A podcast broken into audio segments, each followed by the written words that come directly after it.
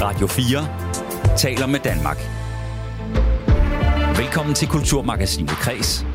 I dag med Mathias Wissing. Men Lise, af alle de grænser, du har brudt i dit journalistiske arbejde, hvilken en anser du så egentlig for at være den vigtigste? Det er jo, at man har været med til at støtte fremskridtet, sådan at, at uh, kvinderne har fået fuld lige ret faktisk i dag. Og hvis de ikke synes, de har det, så er det fordi, de ikke benytter sig af den. Nej, hun var aldrig bange for at sige sin mening, heller ikke selvom man kunne slå sig på den, og måske er det noget af det, som hun vandt så stor respekt for. Og sent i går aftes døde hun, 105 år gammel, journalist og forfatter i mere end en menneskealder, Lise Nørgaard. Derfor så sætter vi i dag det meste af Radio 4's kulturprogram af til at fortælle historien om en af dansk kulturarvs største personligheder, og det gør vi med hjælp fra forskellige Lise Nørgaard eksperter, som fortæller historien om øh, den lokale journalist, såvel som det nationale ikon. Mit navn er Mathias Wissing. Velkommen til Kulturmagasinet Kres. Radio 4 taler med Danmark. Som journalist og forfatter satte Lise Nørgaard markante politiske aftryk. Hun sparkede døre ind i ligestillingens navn og banede vejen for mange kvinder i en mandsdomineret verden på et mandsdomineret tidspunkt. Men når man taler om Lise Nørgaard, så vil mange danskere formentlig først og fremmest tænke på Matador.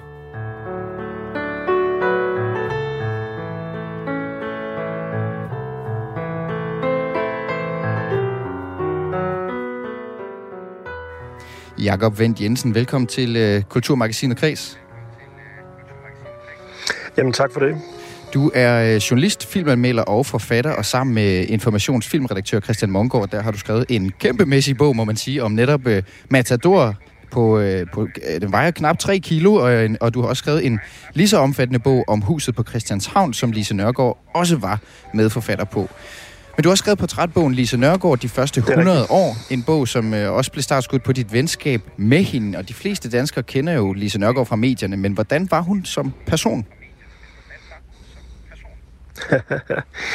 ja, altså, jeg har jo oplevet hende på hendes gamle dage, det vil sige fra hun var cirka 98 til 105, og der var hun jo nok rundet, blevet lidt mere rund med alderen, så jeg tror nok, der er nogen, der har haft hende som fjender øh, tidligere, og også nogen, der har stødt sig på hendes holdninger, men som ældre, og de år, jeg har kendt hende, vil jeg sige, jeg opfatter hende som, selvfølgelig som en person, der havde sympati for nogen og antipati for andre. Hun var aldrig i tvivl om, hvad hun mente.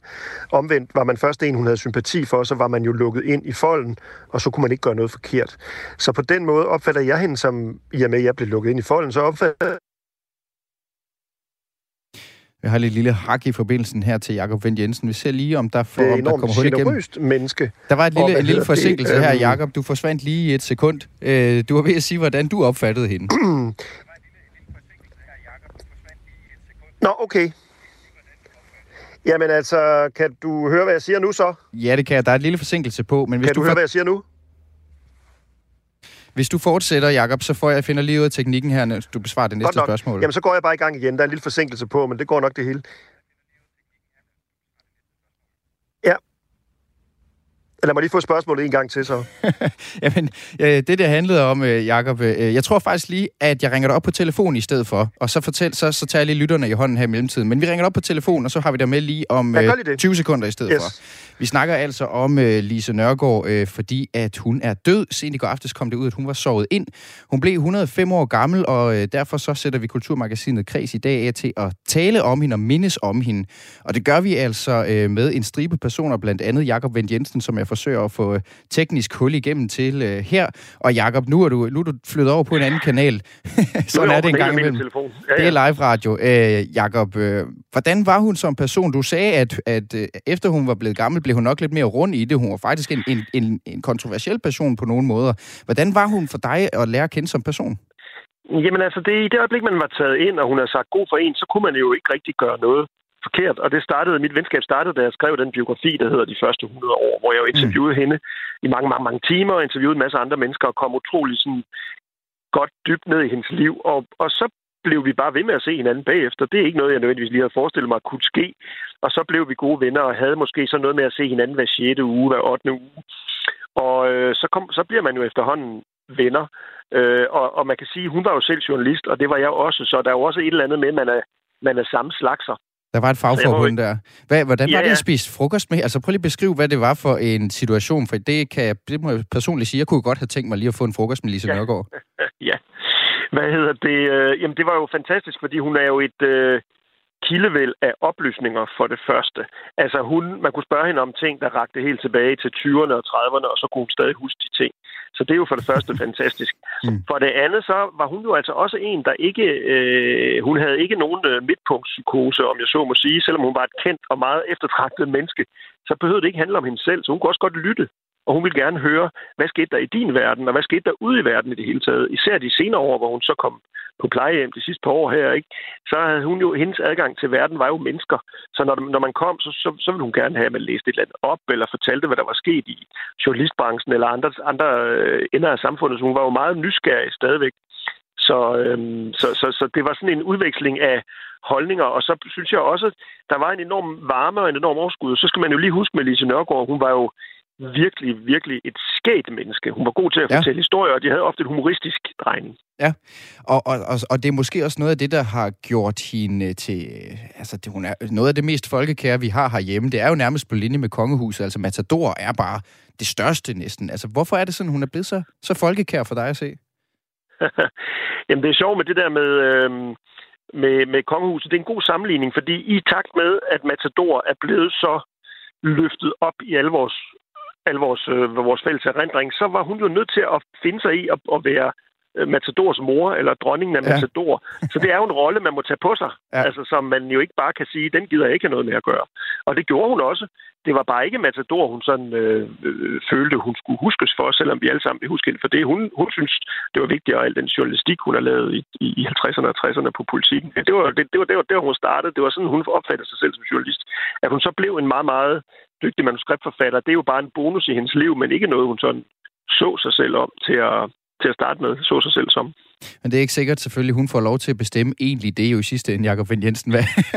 Det, det, tror jeg, det tror jeg, vi er for glade for Matador til at give hende ret i. Men, men, men du har jo ret i selvfølgelig, de fleste kender hende bedst for at have skrevet tv-serien Matador, men hun var også forfatter, blandt andet til de øh, også ret populære erindri- erindringsbøger Kun en pige og De sendte en dame. Øh, og så var hun journalist på en række medier. Hun startede i Roskilde Dagblad, og så over politikken, over hjemmet og over til Berlingske. Hvilken betydning øh, har hun, og hvilket aftryk sætter hun som journalist og forfatter? Altså som journalist vil jeg sige, det der er mest imponerende ved hende der, nu er der jo heldigvis her op til jul udkommet sådan en samling af hendes gamle tekster, dem kan man jo selv gå ind og læse, men det der er, det er, at hun var enormt alsidig. Hun kunne skrive om satire, altså ATS i politikken en årgang, var hun med til at skrive den. Hun kunne tage til OL i Rom i 1960 og lave det første interview med Harald Nielsen, en meget berømt dansk mm. fodboldangriber dengang. Hun tog til Paris og skrev om mode. Hun, hun var kampagnejournalist. Hun kamp lavede kampagne for, at strøget skulle blive til gågade. Hun skrev imod de, øh, de u- uretfærdige boliglovgivninger og alle sådan nogle ting. Hun var enormt alsidig og nysgerrig på det hele, og hun kunne det hele. Det synes jeg er det særkende, der er for hendes øh, journalistik. Hun vil godt ændre verden. Og så har hun jo haft et skarpt blik, og det er måske også det blik, hun trak med ind i sig at være manuskriptforfatter på Matador, som du har været øh, medforfatter på en kæmpestor bog om altså Matador. Det er vel nok Danmarks mest sete tv-serie. Det er en serie, som alle refererer til eller har et forhold til. Øh, vi udskammer jo nærmest dem, der ikke har set den. Hvorfor har Matador den her status for os i Danmark? Jamen, det har den, fordi hun med, i Matador, der har hun ramt en, øh, hun har ramt folkesjælen på en eller anden besynderlig måde. Det er ikke sikkert det, hun satte sig for til at starte med, men man skal, man skal, man skal se for sig en Lise, der er i 60'erne. Altså hun er op der, hvor man normalt bliver pensioneret, og så, så spørger Erik Balling, nu har vi lige lavet huset på Christianshavn, som hun så også har været med til at skrive. Øh, har, du noget, øh, har du noget liggende i skuffen? Har du noget, der kan, der kan efterfølge, øh, øh, hvad hedder det, huset på Christianshavn? Og så havde hun faktisk det her Matador-projekt. Mm. Det skulle først have været en bog, og så sagde, sagde han, kan du ikke prøve at skrive det som en tv-serie? Og så det første prøveafsnit, hun skrev, det synes de bare, der var så meget øh, mad i, og så mange detaljer og så mange spændende karakterer, at det kunne blive til seks, hele seks afsnit. Så hun havde bare puttet hele sit liv og sit gehør for alle de replikker, hun har hørt fra barndommen, og alle de typer, hun har mødt gennem livet. Hun har puttet hele sit liv ind i det der. Det er derfor, den er så, så levende, og det er derfor, den kan genses. Der er jo ikke nogen af de moderne tv-serier, der når Matador til, til sokkerholderne, forstået på den måde, at Matador er så kompliceret og har så mange talende roller, at den minder jo om et levet liv. Mm. Du, kan jo, du føler jo selv, du er med i den by der, så, så, så detaljeret er det, ikke? og så bredspektret er det. Ja, og alle de største værker, altså nu taler jeg ikke nødvendigvis tv-serier, men også bøger, de kendetegner sig jo ved, at man sympatiserer med forskellige figurer, alt efter hvornår man ser den, og hvor man er i sit liv, og det, det er helt vildt, så den evne Matador har til, til det jo. Og det kan, den kun, øh, det kan den kun gøre, hvis alle detaljer er godt lavet. Det duer jo ikke, at nogle af de små biroller bare er, er, er, er tegnet med en tværet fjerpind. Altså selv de små roller i Matador, hvis, hvis, hvis de fleste kan nok huske starten på Matador, ikke, hvor man øh, panorerer ind igennem damernes magasin, og så ser man her Schwann mm. gå rundt derinde, og bare lige med en håndbevægelse mm. og en bemærkning, så har, så er hans karakter allerede tegnet. Mm. Det, er, det, det, det er de største kendetegn, at de med meget, meget små midler kan, kan, kan tegne en karakter, vi, vi, vi, vi føler et eller andet for, så kan vi lide ham eller lade være, men vi, vi har i hvert fald et forhold til ham allerede fra starten. Ja, og, og, og også et tegn på en rigtig, et rigtig godt samarbejde med Erik Balling jo selvfølgelig, også i forhold til at lave hele serien der. Jamen tydeligvis, hvis Balling ikke havde været der, så øh, var serien jo ikke blevet castet så godt, for han stod jo for at vælge de rigtige skuespillere. Mm. Så de kunne ikke leve uden hinanden. Det er et geni til at skrive, og så et geni til at caste og instruere.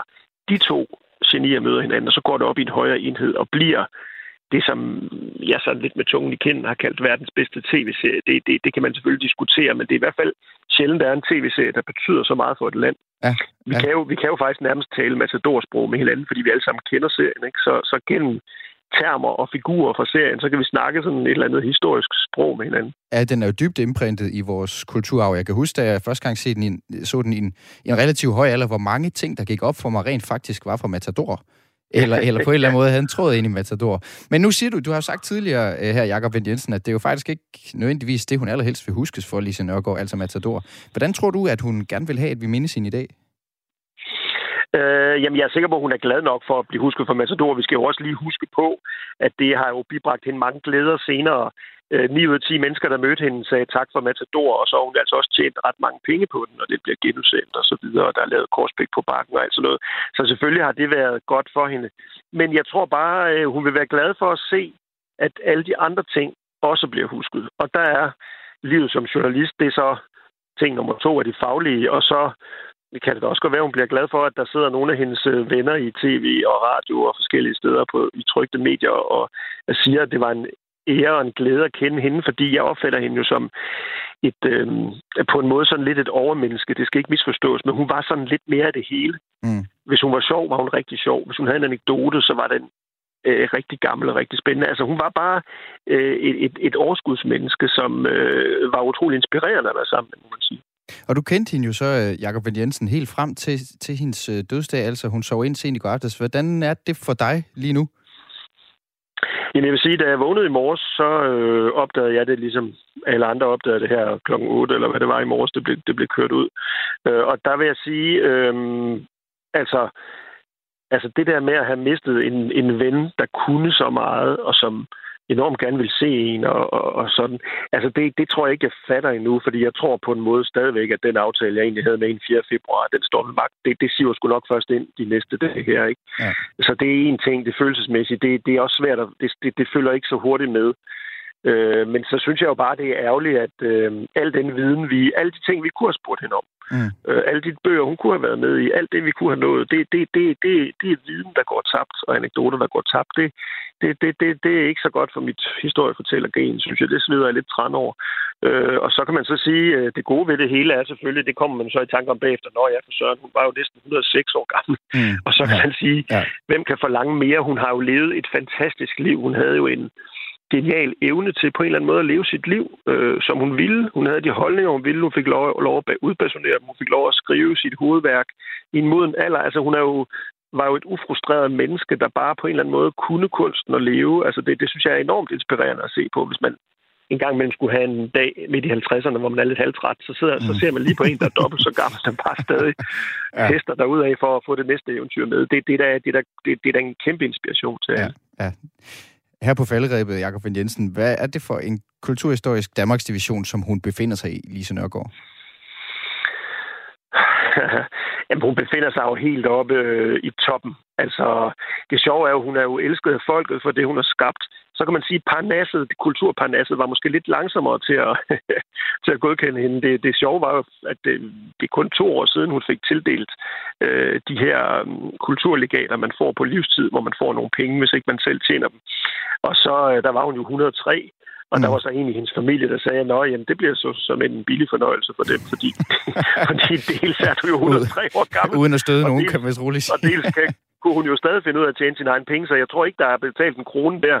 Men den anerkendelse, synes jeg godt kunne have kommet lidt hurtigere fra Parnasset, ja. fordi det er jo egentlig mest folket, der er båret den frem. Ikke? Men der, der er bare litterære kvaliteter i Matador, og de kommer ikke, de kommer ikke til at visne i den tid, nogen af os lever. Jakob Vind Jensen, journalist, filmanmelder, forfatter og ven med Lise Nørgaard. Tusind tak, fordi du var med i øh, Kulturmagasinet Kreds på Radio 4 i dag til lige at minde hende. Det var så lidt.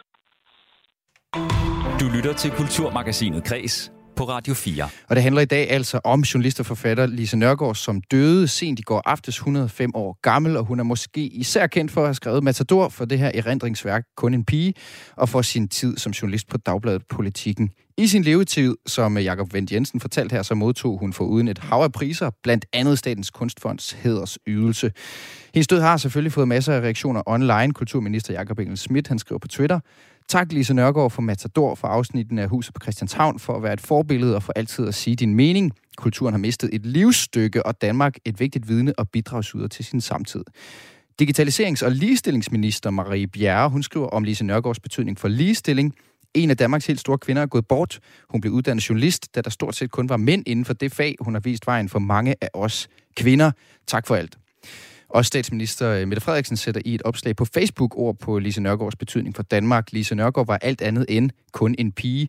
Vi siger farvel til et nationalklenodie, en stærk og folkekær kvinde, der aldrig var bange for at gå forrest. Udover de her ministerreaktioner, så hylder også Lone Kylmand, Søren Pind og hele Kultur Danmark, journalisten og forfatteren. Og så kigger et par af hendes nære venner og kolleger tilbage på, hvem Lise Nørgaard var. Journalist til Cindy Frøkær, hun har skrevet bogen Fruen kommer i dag, som er en øh, samtalebog med og om Lise Nørgaard og Frygherr, hun talte faktisk så, øh, med hende så sent som i sidste uge, det fortalte hun i Radio 4 morgen. Jeg talte med hende i fredags, øh, og der var hun den Lise, man kender, så jeg ved, at hun også synes, at det var ved at være på tide. Så jeg ved, hun synes, hun fik alt, hvad hun overhovedet kunne drømme om. Øh, så, så det var et godt tidspunkt for hende. Øh, og derfor synes jeg, at som du også siger, det, det er svært at synes, det er trist med en dame på 105,5. Men vi andre kommer jo til at savne hende sådan. Øh, jeg havde faktisk en aftale med hende i dag kl. 12.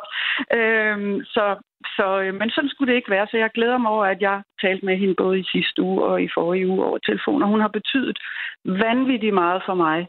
Øh, jeg har kendt hende i ni år, og øh, hun har virkelig været et fyrtårn, øh, og altid så inspirerende at være sammen med, og så nysgerrig på livet, og det synes jeg der er meget, der står tilbage efter Lise, øh, men noget af det, som, som har været til stor inspiration for mig og for rigtig mange andre, det var hendes kæmpe store nysgerrighed. Det var det, der fik hende ud af sengen hver eneste morgen, og hun var så optaget af, hvad der skete omkring hende i verden, og noget af, at det sidste, vi gjorde sammen, da jeg så hende for ikke så lang tid siden, det var at læse op af avisen for hende, fordi hun ville så gerne vide, hvad der skete i verden. Øhm, så det har været hun har jo lyst for os alle sammen, og hun er, som I også sagde øh, lige før, jo et stykke Danmarks historie, som har haft en helt kolossal betydning. der hun har haft både med sin journalistik, øh, fordi hun jo kæmpede for den, især for kvinderne, øh, og hun kæmpede med sin kampagnejournalistik og vil også så gerne huskes for det, og så har hun jo sat et helt uafrysteligt indtryk også og aftryk med Matador, så mm det er virkelig en, en, en, en meget, meget, meget stor personlighed, der, øh, der er gået bort nu. Og hun var altså især imponeret over øh, Lise Nørgaards øh, nysgerrighed på andre mennesker, sagde Cecilia Frøkær. Hun sørgede jo for hele livet og helt til det sidste at skaffe sig yngre venner, som var i 40'erne, 50'erne, 60'erne, 70'erne, 80'erne, altså meget yngre end hende, fordi som hun sagde, så er jeg sikker på, at de holder min tid ud. Øhm, ja, det er godt tænkt. Det er nemlig godt tænkt, og, og hun var, og det var noget af det, som egentlig imponerede mig så meget ved hende, det var, at hun bevarede til det sidste en kæmpe stor nysgerrighed på andre mennesker også, hvor man kan sige, man kan jo godt blive lidt mennesketræt med alderen hen ad vejen, og måske tænke, jeg behøver ikke at kende flere, jeg behøver ikke at, og slet ikke at lære nye mennesker at kende. Og der, og der var hun simpelthen imponerende. Det ville hun gerne, og, og hun synes, at det var dejligt at lukke nye bekendtskaber ind i sit liv, fordi som hun sagde, jamen så lærer jeg også dem at kende. Og de var øh, hurtige på telefonen i Radio 4 morgen i morges, for de havde nemlig også hul igennem til skuespiller Gita Nørby, der lærte Lise Nørgaard at kende gennem arbejdet med tv-serien Matador, hvor Gita Nørby selvfølgelig spillede rollen som Ingeborg Skjern. Og en øh, influenza-ramt Gita Nørby, hun fortalte i morges, at hun var stor beundrer af Lise Nørgaards måde at holde sig i live, som hun sagde. Hendes måde at fortsætte livet på, øh, og nu har hun sluttet det, men altså det, det synes jeg nok er forbilledagtigt.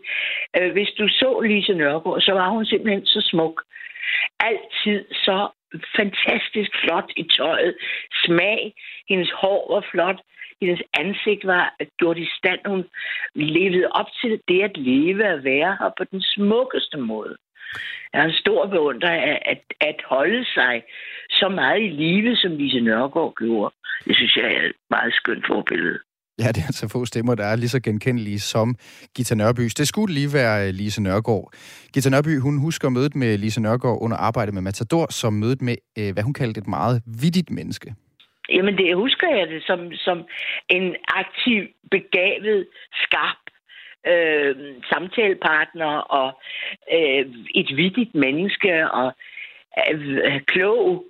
Øh, jeg har også læst de bøger, hun har skrevet, og og øhm, jeg, jeg, jeg, jeg er en stor beundrer af Lise Nørgaard. Og det har jeg altid været. Og det sagde skuespiller Gita Nørby altså i Radio 4 morgen tidligere på dagen. Det er ikke kun dem, der har mødt hende øh, personligt, som Lise Nørgaard har påvirket på den ene eller den anden måde, fordi gennem det her lange liv og den her store karriere, der har hun udgivet afskillige bøger, skrevet manuskripter og arbejdet som journalister. De fleste af os har enten set eller i hvert fald hørt om Matador på Radio 4's Facebook-side, der mindes øh, jeg, der lytter med os, den her afdøde journalist og forfatter, Pia Guldberg, hun skriver, jeg husker hende fra en radioudsendelse i 77, hvor man for alvor var begyndt at tale højt om fødselspsykoser. Hun fortalte, at hun havde været ramt af en sådan fødselspsykose, og der var ingen hjælp at hente dengang. Det var meget overraskende at høre hende fortælle om det, og man må sige, at det nok er blevet en anerkendt reaktion på en fødsel siden da. Der er selvfølgelig meget andet, jeg også husker hende for, men den udsendelse har brændt, mig, øh, brændt sig fast i min hukommelse. Danny Anker Kirkeby, han skriver, jeg husker hende for, at vi boede i det hus i Roskilde, hvor hun havde gået til klaverspil. Min far mødte hende på en togtur en gang i 80'erne og vidste ikke, hvem hun var. De faldt i snak og fandt hurtigt ud af, at hun var kommet i vores hus. Da min far fortalte, at vi havde fundet gamle kvitteringer fra butikkerne i Roskilde i en skunk, spurgte hun, om hun måtte få dem. Min far sendte dem til hende, og hun skrev tilbage og takkede, da det havde hjulpet hende med at huske ting fra sin ungdom, og hun havde brugt det til hendes bog, Kun en pige. Min far fik også signeret en bog fra hende, skrev altså øh, Danny Anker Kirkeby på, øh, på Facebook. Vi var også her på øh, Kulturmagasinet Kreds en tur på gaden for at høre danskerne, hvad de vil huske Lise Nørgaard for, og for at spørge, hvad de tænkte, da de fik nyheden om, at hun altså ikke længere er i blandt os. Jeg blev lidt overrasket, men blev også imponeret over, at hun alligevel blev 105. Det synes jeg er flot. Det er ikke mange, der kan prale det. Hvilken betydning har Lise Nørgaard haft for dig? Øh, jamen altså, hvad hedder det? Øhm, Øh, Matador har jo altid, øh, er jo en virkelig god serie, og jeg synes, den har vist øh, nogle fine sider af det danske samfund på et tidspunkt, hvor man ikke selv levede. Øh, så jeg tænker, så hun har haft en kæmpe betydning for vores, øh, vores kultur. Øh, og hendes film om hendes eget liv som, øh, som pige, ikke? Det, øh, den har også øh, skildret en helt anden verden, end den jeg kender til. Så hun har jo haft en betydning. Hvad er det ved Matador, som du især bliver rørt af, eller som du har lært noget af? Uh, jamen, jeg tror bare, det er, hvor, hvor stor en forskel det var på at være i den, i den rige ende, og så i, den, i arbejderklassen, øh, hvor man virkelig fik et fint billede af, at det var bare nogle helt andre spilleregler. Øh, som man fik, altså jeg synes, den fik en til at tænke lidt over, hvor privilegeret vi faktisk er i dag, selvom der også stadig er stor forskel på, hvor i prisklassen af lønnen vi ligger, ikke? Men, øh, så øh, den har givet et rigtig fint billede af forskellene. Mm. Og det andet, du nævnte, det var det her, hendes eget livsfortælling, altså bare en pige. Hvad, altså, hvilken betydning har den haft for dig? Altså, den er jo rigtig aktuel med kønsdiskriminering og forskel på dreng og pige, ikke? hvor at man jo man helt klart ser, hvordan faren bliver skuffet over det piger, han får. Øh, og da så lillebroren endelig kommer, hvor over skyerne han er, øh, og så burde det jo ikke være. Men det var det bare dengang. Øh, så den viser bare også rigtig meget forskellen på dreng og pige. Jamen, øh, hvilken betydning har Lise Nørgaard haft for dig? Jamen, hun har jo haft meget med underholdning, og jeg har jo fulgt med i alt. Lige fra hendes bøger til hendes film og til Matador og alt, hvad det måtte være. Så det er jo vidunderligt.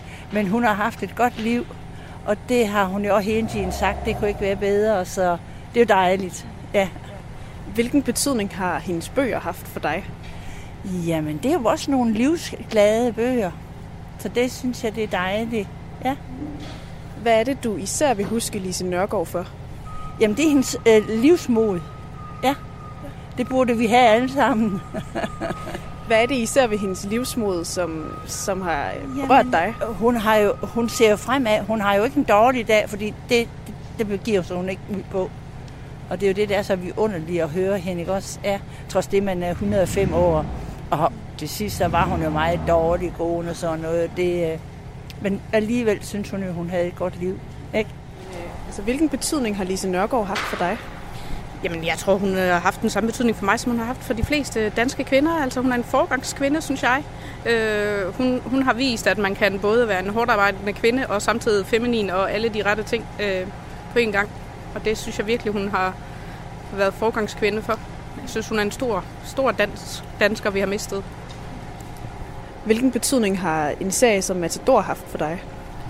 Jamen, den, jeg synes jo, den skildrer øh, en, en, en tid i, det, i dansk historie rigtig, rigtig fint, øh, som man også kan vise til børn i dag, og, og måske på større måde få en forståelse for, hvordan livet var engang, øh, og ikke med alle mulige digitale medier og alting. Øh, så jeg synes, det er det, Matador er noget, der ikke går af mode, og noget, der ikke bliver, man ikke kan se selv nu her i 2023. Du står her med, er det din søn? Ja. Ja. Skal han se Matador? Ja. Det skal han helt sikkert. Ja, og det giver nok ikke pengene mange gange igen, hvis man vil spille på en bitte genudsendelse af Matador på Danmarks Radio. Det var reporter Sara Birk Becker, som havde været på gaden. Radio 4 taler med Danmark. Kulturmagasinet Kreds handler i dag om forfatter og journalist Lise Nørgaard, der døde sent i går aftes 105 år gammel. Det meldte familien ud her til morgen øh, til nyhedsbyrået Ritzau, hvor hendes datter blev citeret for at sige, min mor var dybt dybt taknemmelig for sine mange venskaber med yngre som ældre, som hun bevarede helt frem til sin død, og for de utrolig mange mennesker, hun mødte på sin vej, eller som fulgte hende, og som har omfattet hende med stor kærlighed og overvældende positiv interesse. Hun var en frontløber og en rollemodel, og til stor inspiration for sine børn, børnebørn og oldebørn. Vi har alle nyt godt af hendes kærlighed, livserfaring, kloge råd og positive og humoristiske tilgang til tilværelsen. Vi er taknemmelige for at have fået lov til at have hende i vores liv så længe, og hun efterlader et stort savn. Mange vil øh, huske Lise Nørgaard fra dramaserien Matador, som har solgt millioner af eksemplarer, og som er blevet genudsendt et utal gange, men øh, som hun faktisk selv efterhånden var blevet lidt midt af at tale om, fortalte hun i, i 2017 til Fagbladet Journalisten. Jeg føler mig jo først og fremmest som journalist, sagde hun, øh, sagde hun dengang. Og netop journalistkarrieren, den begyndte hun i Roskilde, hvor hun er født og opvokset, og hvor forhåndværende kulturminister Joy Mogensen er tidligere borgmester og nuværende resident. Velkommen til, Joy. Mange tak. 32 år boede øh, Lise Nørgaard i Roskilde, før hun altså flyttede til hovedstaden for at arbejde på politikken, og sidenhen øh, hjemmet og Berlingske. Men Joy, hun stoppede aldrig med at føle et tilhørsforhold til Roskilde. Det fortalte hun øh, til TV2 Lorry i 1990 i et kort klip her. Vil du anse dig selv for at være Roskildenser? Ja, det er en gang Roskildenser, altid Roskildenser. Uh, man synes, at altså, ens verden udgår fra Roskilde, og øh, hvis man skulle glemme det, så møder man nogen over hele, altså i, i alle sammenhænge, der er fra Roskilde. Der er blandt dig, Joy Mogensen. Hvilken betydning har Lise Nørgaard i, i Roskilde? Jamen, altså, jeg er, jo ikke, jeg er jo ikke sådan født og opvokset i Roskilde på den måde, men altså helt Jamen, man er Roskilde igen, som tidligere borgmester. ja, men jeg vil, jeg vil sige, at, at, at, at jo mere man ligesom, da jeg flyttede hertil, og især da jeg sådan blev aktiv i lokalpolitik og begyndte at møde folk fra sådan mange forskellige dele af kommunen, så kunne man jo virkelig mærke, at Lise Nørgaard stadigvæk er en stor del af identiteten i, i Roskilde. Og Jamen, det er simpelthen fordi, at når man, altså, jeg, jeg kan stadigvæk huske første gang, jeg skulle ud af min lokalplan i det kvarter, hvor hendes forældres hus ligger. Og så er det jo som om, at man sådan ligesom velkommen til, og jo det er det der hus, Lise Nørgaard øh, er opvokset i. Og så, og så kan man jo ikke lade være med, når man også har set filmene, og jeg kommer også senere til at læse bøgerne og sådan ting. Altså det, det er noget særligt ved at gå rundt og simpelthen se, at de steder, som hun beskriver, de er her jo. Altså, Algade er ikke... Det kan godt være, den er filmet i Holbæk, tror jeg, men det er jo Algade i Roskilde. og, øh, og de der familier, som folk stadigvæk kan fortælle, at de boede der, og det var der, øh, de kom sammen, og det var der, de gik til dans og sådan nogle ting. Altså, det gør jo, at jeg ved godt, og det har jeg senere fundet ud af, at næsten alle provinsbyer i Danmark siger, at det er her, Matador kommer fra, og vi kan sådan genkende. Ja, men det er altså her, det virkelig skete. Og der er noget særligt i at gå rundt, og sådan en helt almindelig hverdag i Roskilde bliver jo sådan lidt mere specielt, når man ligesom tænker, at der er faktisk nogen, der kunne se alt det håb og alle de ambitioner og drømme, der jo er i vores allesammens hverdag, og endda fik ophøjet det til stor litteratur. Mm. Så de rigtige prototyper på øh, Varnes og Skjern og dem alle sammen, de, øh, de har en flere Roskilde i sig, og så ligger der jo en Lise Nørgaard-bænk i gågaden i Roskilde, øh, med en øh, en-til-en skulpturforfatter inden, støbt i bronze i 2010, skabt af den billedhugger, som hedder Mette Agerbæk, hvor der formentlig bliver taget et billede eller to i dag, må man, øh, må man gå ud fra, Joy Mogensen. Du har spist frokost med hende i din tid som borgmester i Roskilde. Øh, hvordan var hun, og hvordan kom det i stand? Jamen, det, det var faktisk rigtig pudsigt, fordi at jeg fik en henvendelse, om jeg bare ville spise frokost med hende, fordi at hun skulle, øh, hun skulle interviews til sådan en større øh, opslag i, i dagbladet. Jeg tror, det var i anledning af en rund fødselsdag, eller et eller andet i hvert fald. Og så ville hun bare gerne møde mig, fordi at hun havde jo lagt mærke til, at der var kommet en, øh, en ung kvindelig borgmester i Roskilde. Og det, som hun åbenbart skulle have sagt, det, var, det havde jo aldrig kunne lade sig gøre i hendes tid. Så nu ville hun altså mm. altså gerne lige møde mig og finde ud af, hvad jeg var for en. Og det kunne jeg jo ikke lade være med at sige, øh, sige ja til, og det blev virkelig også en rigtig stor oplevelse, fordi jeg ved ikke rigtig, hvad jeg havde forventet, men det, altså, hun, er, hun var jo allerede dengang en ældre dame, men hun var jo i den grad altså, klog og sjov og skarp, og, øh, og jeg kan huske, da jeg gik derfra, så tænkte jeg, du, du glemte helt at tage et billede, fordi at det bare var altså, et godt selskab. Altså mm. sådan som det der sædvanlige med, at jeg mødte en kendt og sådan noget. Hun var bare også et rigtig interessant menneske at være sammen med. Og så har hun jo en helt særlig forbindelse til, øh, til Dagbladet, Roskilde Dagblad, som på en eller anden måde bliver spejlet helt op i dag, så det næsten bliver lidt eerie, Joy Mogensen. Hvad er det, det går ud på? Jamen, altså, jeg kunne i hvert fald ikke lade være med at tænke, da jeg hørte den triste besked om, at hun nu var død her til morgen, at, øh, eller hun der døde i går, men altså beskeden kom i morges, at det var lidt pudsigt, fordi at hver eneste gang jeg kom op på Dagbladet Roskildes redaktion, så for, talt, kom man i hvert fald sådan til at fortælle om, eller snakke om, at det var jo også her, at Lise Nørgaard sad, og det var faktisk lige her op til juleferien, at det blev annonceret, at Dagbladet nu skal flytte fra de bygninger, som det jo har været i, i lige vil sige 100 år, i hvert fald der, hvor Lise Nørgaard sad og skrev sine første artikler, der flytter Dagbladet faktisk, fordi de her på 1. januar er blevet lagt sammen med Ugeavisens redaktion. Sådan, så øh, det er næsten som om, at det der store fortællested, der har fortalt om hverdagen i Roskilde, det flytter altså samtidig med, at Lise Nørgaard dør. Det kan næsten ja, det, det, det, det, det er næsten sådan lidt mærkeligt, om der er en sammenhæng et eller andet sted. Men jeg håber, fortællingerne bliver ved med at leve. Der. Ja, der er et eller andet beåndet ja. i det, det kan man ikke lade være med at tænke.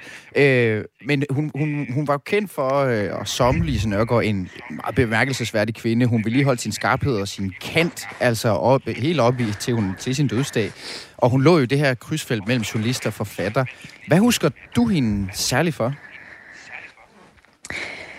Altså, jeg, jeg husker hende nok mest som, som forfatter, og så husker jeg hende som kvindeforkæmper, fordi at det var i hvert fald der, hvor hun begyndte at bevæge sig fra øh, den der, hvad kan man sige, sådan lidt hygge, øh, sådan, altså hygge, underholdnings, øh, altså man, som man måske først lærer Matador tv-serien at kende. Øh, når man, da, efter jeg læste i hvert fald kun en pige, og de sendte en dame, så blev det meget tydeligt for mig, også de stærke kvinder, og hvor meget kvinderne i det hele taget fylder i Matador-serien, mm. hvilket jo ikke var sædvanligt for den tid.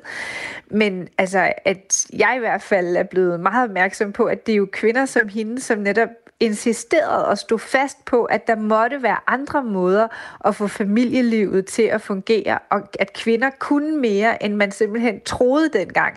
Hvis ikke de havde stået fast, altså jeg sammenligner hende til med Rik Bjergård, som jeg sådan synes er lidt samme karakter, ja. altså klog, skarp, og står fast på sine værdier. Hvis ikke de havde været der, så havde min historie jo ikke været mulig. Og det tog jeg jo bare for givet som ung. Men jo ældre jeg er blevet, jo mere kan jeg se sammenhæng. Det er jo ikke særlig lang tid siden, at de var nødt til at stå meget stærkt. Og det er jeg utroligt taknemmelig for, at de gjorde. Så det er simpelthen noget, du har altså, masseret helt ind i, i dit, eget, dit eget måde at leve dit liv på, forstå livet på? Ja, så det der med, at man skal huske, at når, hvis, man, hvis tingene ikke fungerer altså i ens eget liv, så kan det jo godt være, at det ikke er en selv, der er noget galt med. Det kan jo godt være, at det i virkeligheden er samfundet, man skal prøve på at sige, hey, kan vi ikke gøre det her anderledes? Det har jo været altså, centralt for hele mit politiske virke, men bare det, at jeg har kunne gøre det, det har jo været takket være kvinder som Lise Nørgaard. Tilbage i øh, 2017, der sagde hun faktisk øh, sådan her til TV2's øh, årskavalkade, det er næsten præcis seks år siden, som svar på spørgsmålet om, hvad der for hende, at se, eller for hende selv at se er den vigtigste grænse i samfundet, som hun i sit virke har været med til at bryde. Hun kom med det her svar. Det er jo, at man har været med til at støtte fremskridtet, sådan at, at kvinderne har fået fuld lige ret faktisk i dag. Og hvis de ikke synes, de har det, så er det fordi, de ikke benytter sig af den. Ja, jeg, jeg kan ikke lade være du at over det sidste her, for det er ikke sikkert, øh, eller det er helt sikkert ikke alle, der er enige med hende i det sidste, altså at, at det skulle være helt nedbrudt nu, det her øh, ligestillingsproblematik. Øh, Men hun var jo ikke bange for at sige sin mening. Hvad tænker du om, om den side af hende? Jamen, jeg tænker, det er jo også det, der gør, at, at jeg ligesom også oplevede hende som, altså, altså som skarp. Altså, og det må man også sige, altså hvis man vil gøre en forskel for andre end sig selv, jamen så vil man mod, mod, møde modstand, og så bliver man nødt til at træne den der skarphed. Og det havde hun. Jeg synes til gengæld også, at hun gør det på en, altså en, ja, en, en, hvad kan man sige, kontant måde, men også på stadigvæk en høflig måde. Altså hun er jo aldrig en, som jeg har oplevet, der har gået til sådan, altså på den måde personlig angreb. Hun siger jo bare sådan set, altså som jeg hørte, det, til alle kvinder, mulighederne er det, stå fast. Hun, ligesom jeg selv gjorde. Altså hun siger jo ikke, I skal stå der alene. Hun siger bare, husk nu, at vi kan faktisk alle sammen hver især gøre en forskel. Men det kræver, at vi står fast. Mm. Og, og, og altså meget af hendes erindringslitteratur og, og mange af de interviews, jeg har hørt med hende, handler blandt andet om at ville frem i verden som, som kvinde i en mandsdomineret verden, og hun har jo virkelig været en markant stemme i det her. Jeg spurgte tidligere i udsendelsen Jakob Vendt Jensen om, øh, hvor hun ligesom skulle placeres i en kulturhistorisk øh, Danmarks division. Hvis vi kigger på sådan en ligestillingssagen i Danmark, hvor vigtig en skikkelse er Lise Nørgaard så i, i dine øjne, Joy Mosen? Oh, jeg, jeg er jo ikke historiker, men, øh, men, men altså, jeg synes, hun er rigtig, rigtig vigtig. Og det synes jeg faktisk, hun er, fordi at hun har formået at forene, hvad kan man sige, det, altså det, altså hun, hun er nået ind både til høj og lav, hvis man kan sige det på den måde. Altså, at hun, er, hun har både fået altså, stor anerkendelse sådan kunstnerisk blandt øh, altså, det, man kalder eliten i samfundet, men hun har også en måde at tale og formidle på, både gennem sin litteratur, sine artikler og sin person, øh, i, i, som jeg har oplevet de senere år, som, som ligesom alle kan relatere til på en eller anden måde. Mm. Og det her tænker man jo især på alle de gode kvinder i, i Matador, som viser forskellige måder at være kvinde på, der vil frem i livet. Øh, før jeg slipper dig, Joy Monsen, så har jeg et... Øh, nej, så skal jeg lige spørge dig, altså, hvem er din yndlingskarakter i, øh, i Matador? Det har, jeg ikke, øh, det har jeg ikke bedt dig tænke om på forhånd, men det kan være, at det er sådan, du bare trækker op i baglommen, fordi du er så sikker på, at det er Maud, eller hvem det nu skal være. det, jamen, det, det er jeg ikke i tvivl om. Det er Katrine. Ja, hvorfor det? Det er fordi, jeg synes, hun er sej. Altså, Altså, og hun er det på den der helt fantastiske underspillede måde. Altså, jeg kan huske, da jeg var yngre, så synes jeg, Agnes var den sejeste, fordi at hun ligesom starter det der firma og sådan noget. Og, og det, havde, det havde jeg bare slet ikke set komme som ung-agtigt. Øh, og jeg synes bare, hun var så sej, at hun kunne, og hun turde og sådan noget. Men med tiden, så synes jeg faktisk, at, øh, at Katrine har noget for sig, fordi at hun måske netop altså, ikke er så tydelig til at starte. Kone. Ja, ja grisehandlerens kone, undskyld, ja. jeg går ud fra. Ja, ja det der med øh, Matador, og så, så forstår, og så, og så også det der med, at hun er, hun er en af de få, der tør gå op imod, øh, altså med skjern, ikke? Altså at sige, hallo, husk lige din søn og sådan noget. Før hun er jeg... faktisk ret Ja, før jeg, jeg, før jeg slipper dig, Joy Monsen, der er et lille bitte ekko på, men øh, jeg vil lige give dig godt råd med på vejen, fordi øh, øh, jo, øh, hvad hedder hun, Lise Nørgaard, hun har sagt, når livet i Roskilde en gang imellem det øh, spidser til, øh, så er der en, en helt konkret ting, man kan gøre. Det sagde hun til TV2 Lorry i, øh, i 1990. Hun sagde sådan her. Hvis man vil slippe for alle ærgelser med hensyn til Roskilde, så skal man tage ud på fjorden. Og så skal man sejle hjem, når lysene begynder at blive tændt i byen så ligger mørket et mildende skær over alle ødelæggelserne, og du ser kun alt det, der er smukt med domkirken i baggrunden. Og så kan man næsten få tårer i øjnene som gammel roskildenser. Det kan man. Er det et råd, du kan bruge til noget, Joy? Bestemt, og man behøver ikke selv at have en båd. Man kan bare tage med Sagafjord ud, eller tage en af de lokale kajakker, man kan låne. Det er et meget, meget godt råd. Hermed blåstemplet. Tak fordi du var med, Joy Mogensen. Selv tak, ha' det godt. Altså tidligere borgmester i øh, Roskilde, såvel som kulturminister, og i dag bosiddende i Roskilde. Radio 4 taler med Danmark.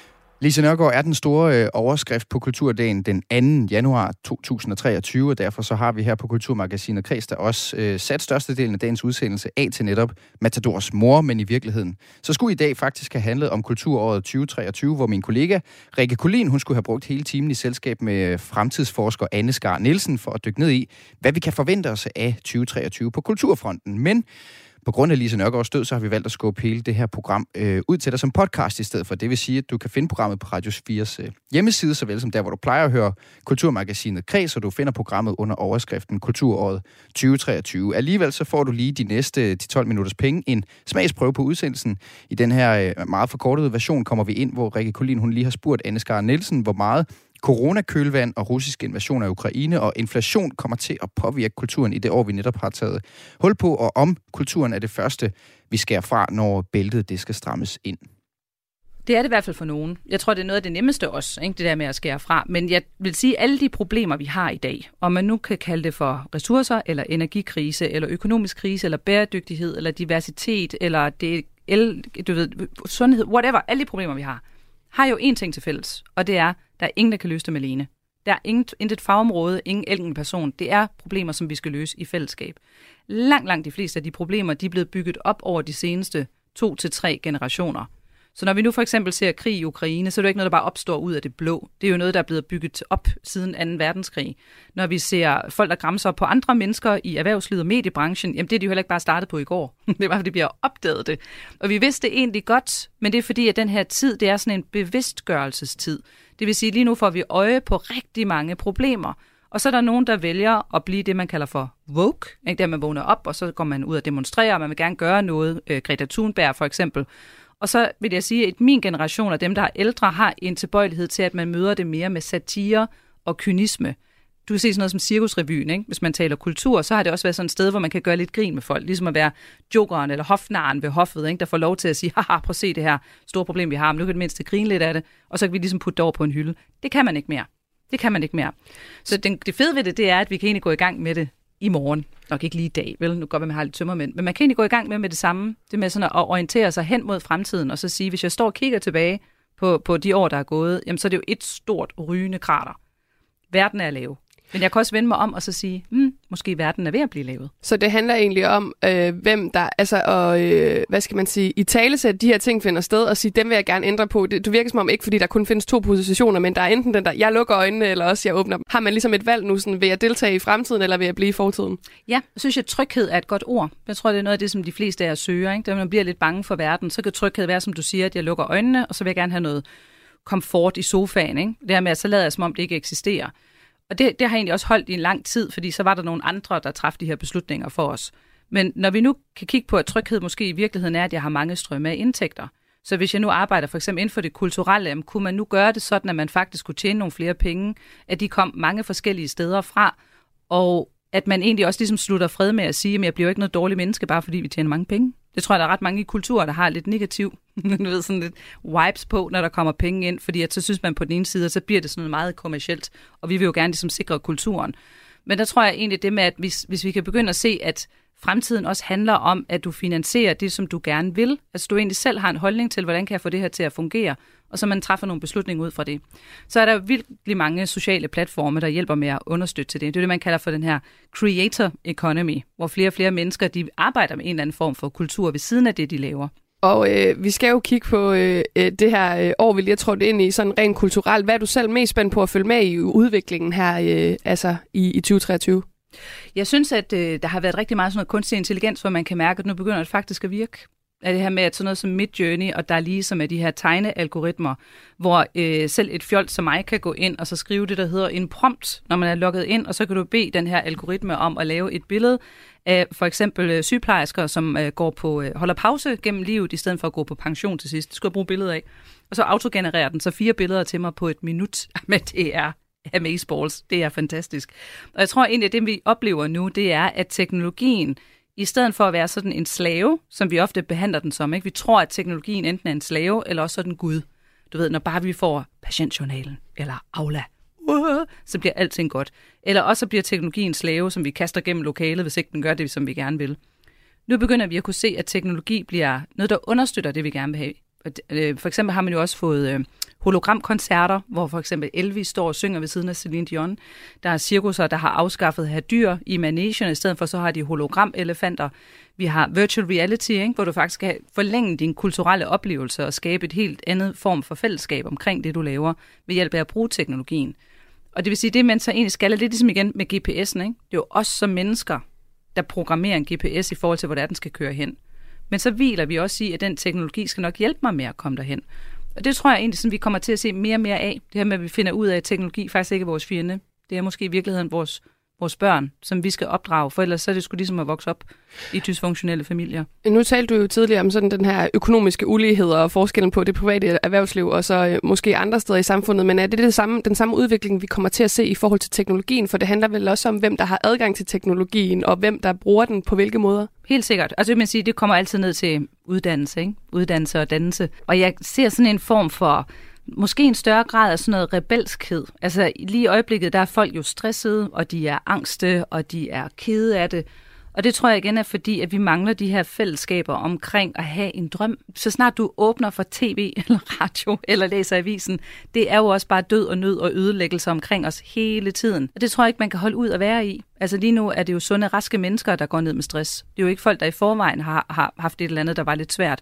Det er sådan helt normale mennesker, der sidder og kigger på, at jeg kan simpelthen ikke mere. Og jeg tror, at noget, når man kigger så på hele det her, for eksempel sådan noget creatorship, i din generation tror jeg faktisk, det er 40 procent, der har et eller andet side halløj kørende, hvor man laver et eller andet krea halløj. Og der kommer flere og flere platformer, der faktisk understøtter, at du kan tjene penge på det. Det vil sige, at du behøver ikke at have et fast 8-4 arbejde. Du kan måske have syv forskellige ting, som du laver. Men det kræver så også, at fagbevægelsen løfter op igen og siger ikke det her med, at det er jo ikke alle, der har lige adgang. Det er ikke alle, der er lige ressourcestærke. Det er ikke alle, der vokser op i en familie, hvor forældrene kan finde ud af, altså, og et eller andet med computer, der kan sidde og hjælpe deres børn, eller har en skole, hvor læreren har tid til det. Men der tror jeg, der er rigtig mange kræfter i det her samfund, som nu finder ud af, at okay, igen, vi kan stå og kigge tilbage på det store rygende krater, og sige, hvordan holder vi fast? Det er som at være sådan Anders Sand, hvor hele dæmningen er ved at falde sammen, ikke? og han står der med sine andefødder og fingre og prøver på at holde det sammen og sige, okay, fuck it. Måske man i virkeligheden bare skulle lade det falde, og så sige, det her, det skal vi bare have bygget op forfra. Når at du siger, at der er så mange, der går ned med stress, og jeg kan lige supplere jo med et tal fra Stressforeningen, i hvert fald i 2020, der var det 12 procent af danskerne, der havde øh, alvorlige tegn på stress hver eneste dag, så er det vel også et tegn på, ja, men at bare det, at du skal have en sidegeschæft for at kunne få det hele til at lykkes, øh, og det sidegeschæft er så noget, der er kreativt, som jo egentlig ligger i mennesket, at vi gerne vil, men det bliver på en eller anden måde også til en forretning, for at du kan have lov til at være her. Det er vel også et tegn på, at måden, vi har bygget det hele op på, simpelthen ikke ja, holder. Fuldstændig. Ja, og det er også det med, at når man så står og kigger det, fordi igen er den her bevidsthedsgørelse, der er i dag, ikke, hvor vi finder ud af, gud, vi har godt nok mange problemer. Der har også været en sag ikke, med en øh, miljøkvinde, øh, som øh, skal skamme sig, fordi hun har taget flyvemaskinen. Hvis det, ja, men du kan jo ikke både på det samme tidspunkt blive bevidst om, at vi har problemer, og så vide, hvad det er, du skal gøre. For, altså, du har jo stadigvæk den infrastruktur, som du er bundet op af. På samme måde som bæredygtighed er jo kæmpestort nu. Ikke? Altså, jeg kan ikke komme noget sted, hvor folk ikke snakker bæredygtighed. Men så bliver de så skamfulde over, at de har et produktionsapparat, som kommer fra hele det der katastrofekapitalisme fra 2. verdenskrig, ikke? hvor man fandt ud af, at vi kunne faktisk lave fred ved at producere. Altså vi kunne lave fred i verden, vi kunne give folk godt liv, hvis de fik en arbejdsplads. Og så står de og kigger på og siger, men er det nu forkert? Så nej, nej, det er bare fordi, det, skulle, det spil skulle vi ligesom spille for at komme hertil, hvor vi er i dag. Men jeg tror, der er så mange, der er så skamfulde over, du ved, at jeg føler, at jeg burde lave noget andet, end jeg gør, men ved faktisk ikke, hvad det er, jeg skal gøre. Og det er helt okay. Og jeg tror, i den, som du siger, der med, at det faktisk er skide godt at være derude, hvor man er forvirret, og du er sådan lidt lost. Fordi det er jo der, hvor du kan være kreativ. Det med at sige, hvad skal jeg tegne? Ja, det skal du jo finde ud af. Mm. Men det tror jeg også bare, at folk er så bange for, fordi vi er jo netop vant til, at vi hele tiden skal lave noget, der skal bruges til noget, eller noget, der kan sælges for, at det skal være rigtigt. Jeg bliver på et tidspunkt, der bliver spurgt om i sådan en, øh, en øh, antologi, ikke, med, med, hvad skal vi egentlig med kultur, hvad skal det bruges til? Og så sagde jeg, ja, ikke noget. det er jo det, der er hele pointen. Det er, at det skal fra starten jo af ikke kunne bruges til noget. Fra starten af skal det jo være en drøm, du har om et eller andet, der kunne være fedt, som du kan mærke ind i dig, du rent faktisk godt gad at bruge din tid på. Og så bliver det jo et kæmpe problem også, hvis vi afskaffer alle de fag i folkeskolen. Fordi hvis små børn ikke får lov til at sidde og lave et eller andet, der ikke skal bruges til noget, med det ene altså årsag, at du faktisk skal føle, at du kommer lidt i flow med dig selv og universets kræfter. Hvis du aldrig nogensinde har prøvet at skifte bekendtskab med det, jamen så opstår det måske heller ikke af sig selv, når du bliver ældre. Og så bliver man måske bare lidt, lidt firkantet. Du lytter til Kulturmagasinet Kres på Radio 4. Og det gør du med mig, Rikke Kulin, der i studiet i dag har fremtidsforsker Anne Skar Nielsen, som skal hjælpe os med at kigge frem mod det her kulturår 2023, som vi lige er trådt ind i. Og Anne, har du været til nogle festivaler eller store livebegivenheder tilbage i 2022? Åh, oh, hvor gad jeg godt sige ja. jeg så gerne sige ja, det kan jeg jeg har. Altså, jeg tror faktisk, det er et super dårligt eksempel. Jeg har været til Benjamin Hav og, og familien, og det var så godt, at jeg gjorde det to gange. Jeg synes simpelthen, det var så ske og så en fest. Det er jo også sådan, at festivalerne øh, blev afholdt for første gang, altså i, for mange vedkommende i tre år i 2022. Og øh, der er jo, øh, som vi også talte om tidligere, en masse øh, kriser, der selvfølgelig er forbundet med øh, corona og øh, kølvandet på corona. Men spørgsmålet er jo så, om der er nye kriser, kriser, der lurer nu, eller om vi bare er klar til at komme afsted på øh, alle de her festivaler til alle de her events. Og jeg har talt med Esben Marker, som er sekretariatschef hos Dansk Live. Og han fortæller, at ja, inflation og stigende priser ikke kan undgå at komme til at påvirke festivaler og koncerter, som bliver afholdt her i 2023. Jamen, jeg tror, vi kommer til at se øh, store, øh, velbesøgte festivaler til sommer, men vi kommer også til at opleve øh, spillesteder og koncertsteder, som, øh, som kommer til at lide øh, under den øh, dalende billetomsætning, der allerede nu er mange steder. Situationen øh, er, at øh, der er lidt øh, der er lavt billettal mange steder, især til de mindre navne. Det skyldes dels, at, at folk ikke til fulde vendt tilbage efter corona, men også, at øh, den økonomiske krise er, som den er, og den begrænser folks købekraft. Og det, der er billedet, det er, at de store koncerter, de er faktisk relativt velbesøgte, men de små med det lidt smallere, øh, talenterne vækstlaget osv., det øh, lider altså med, med et lavt besøgstal. Det, der er situationen for koncert- og festivalarrangører, det er, at råvarepriserne stiger. Det er både det, man materialer, man indkøber, og, og altså, rene klassiske råvarer, men faktisk også øh, honoraromkostningerne, de stiger også. Samtidig så skal man selvfølgelig også balancere billetprisen, med, øh, på, så den ligger på et niveau, hvor folk har råd til at købe billetten i en situation, hvor vi alle sammen får færre penge mellem hænderne. Så det, det er sådan et, et dobbelt pres, kan man sige, øh, mange arrangører står i, og, og, og der bliver det vigtigt med, med grundig økonomistyring og, og is i maven det vi allerede nu ser, det er, at de internationale artister øh, meget nemt aflyser. Øh, hvis der øh, er en enkelt aflysning af, af en koncert på en turné, altså en Europa-turné, så, så kan man faktisk godt risikere, at hele turen bliver aflyst. Det er simpelthen fordi omkostningerne øh, ved at turnere er så høje, og, og maven, man tjener penge på, er så lav. Og det frygter jeg selvfølgelig er noget af det, vi kommer til at se, at, at, øh, det, bliver, at det er meget skrøbeligt, øh, de koncerter, der er i bogen. Øh, og jeg frygter da også, at nogle koncertarrangører ikke kommer igennem det her, hvis, hvis likviditeten ikke øh, er solid til at stå igennem en, en, øh, en situation, hvor råvarepriserne stiger, og vi for eksempel på festivalsommeren får en, en får en regnvejr sommer, som, som er dyr for, for arrangørerne. Jeg tror, at nytænkning er, er vejen frem lige nu, og øh, hvad der virker for de enkelte arrangører, det er vidt forskelligt. Men, øh, men både koncepterne, man, man tilbyder publikum, altså hvad, hvad, hvordan øh, går man på festival, skal man købe øh, alle sine, øh, alt sit mad på festivalpladsen, og de formater, man tilbyder, når man laver koncerter indendørs, øh, skal ganske givet, givet øh, afprøves øh, i den her tid, hvor det formentlig bliver lidt svært at, at sælge billetter til alle ting. Ja, Anne Skar Nielsen, det var altså Esben Marker, sekretariatchef hos Dansk Live, der, der også ja, meget tydeligt gør her, hvor, hvor problematisk en økonomisk krise er, men især for de mindre artister, det vil sige, det lyder som om for de store artister, der igen kan man ikke rigtig mærke forskel. Er, er det også det, vi kommer til at se? Det er ligesom, de små går nedenom og hjem, og de store, de, de klarer den bare fortsat? Og ja, det tror jeg faktisk ikke. Jeg tror mere, at, at man skal gøre sig umage. Altså jeg tror, at det med, at hvis man vil det her, nu har jeg selv arbejdet i restaurationsbranchen i København, og der kunne jeg jo se, dengang jeg var yngre, ikke? jeg kunne se det der med, at hvis du prøver at gøre det efter bogen, jamen, så overlever du ikke. Så du skal virkelig være smart, ikke? og du skal virkelig gøre dig umage, og du skal kende de rigtige mennesker. Og så tror jeg egentlig også, at det er inden for altså hele kulturlivet, der ikke med, at hvis man prøver ligesom at køre den efter bogen, sådan her bør man gøre. Jeg tror, man er nødt til at være frisk. Nødt til at være Du lytter til Kulturmagasinet Kres på Radio 4. Ja, og jeg skruede lige så stille ned for Anne Skar Nielsen. Du kan som sagt få hele pointen med fra det her Kulturåret 2023-program, som du fik et lille snip fra ved at finde udsendelsen som podcast, hvad jeg på det kraftigste øh, kan, kan anbefale. Rikke Kolin, hun har nemlig ringet spot om ind fra nogle af landets klogeste hoveder inden for blandt andet musikbranchen, som vi hørte her, hørte her med S. Marker. Der er også stemmer fra teaterverdenen, fra sociale medier og internetkultur, og her nu så kunne det altså kun lige blive til en øh, hæftigt øh, forkortet version, må jeg nok sige. Det beklager jeg, men det gjorde det, fordi at den anden januar 2023 i fremtiden kommer til at blive husket som dagen, hvor nyheden om forfatter og journalist Lise Nørgaards død kom ud. Når du alligevel klikker dig forbi Radio 4's hjemmeside eller øh, din øh, lokale podcast-app for at finde Rik Kolins Kulturåret 2023 udsendelse, ja, så kan du i øvrigt finde alle de andre år, der gik udsendelser, som blev sendt mellem øh, jul og nytår, såvel selvfølgelig som det her øh, portrætprogram om Lise Nørgaard, hvis du ikke har været med fra start. Kulturmagasinet Kreds er slut for i dag. Vi har spillet et par øh, klip fra TV2 og fra TV2 Løje. Tak for det. Programmet det var lavet af Søren Berg Toft, Sara Birk Becker og Rikke Kolin. Mit navn er Mathias Wissing, og om lidt så slukker jeg for min mikrofon, men du skal blive hængende. I dag så går missionen med Amalie Bremer og Tony Scott nemlig ud på at leve så længe som muligt, inspireret af en øh, meget langt levende Lise Nørgaard, som altså døde øh, sent i går aftes så stille ind 105 år gammel. Før der er missionen, så skal du have et nyhedsoverblik. Det får du her. Det er med Anne Philipsen.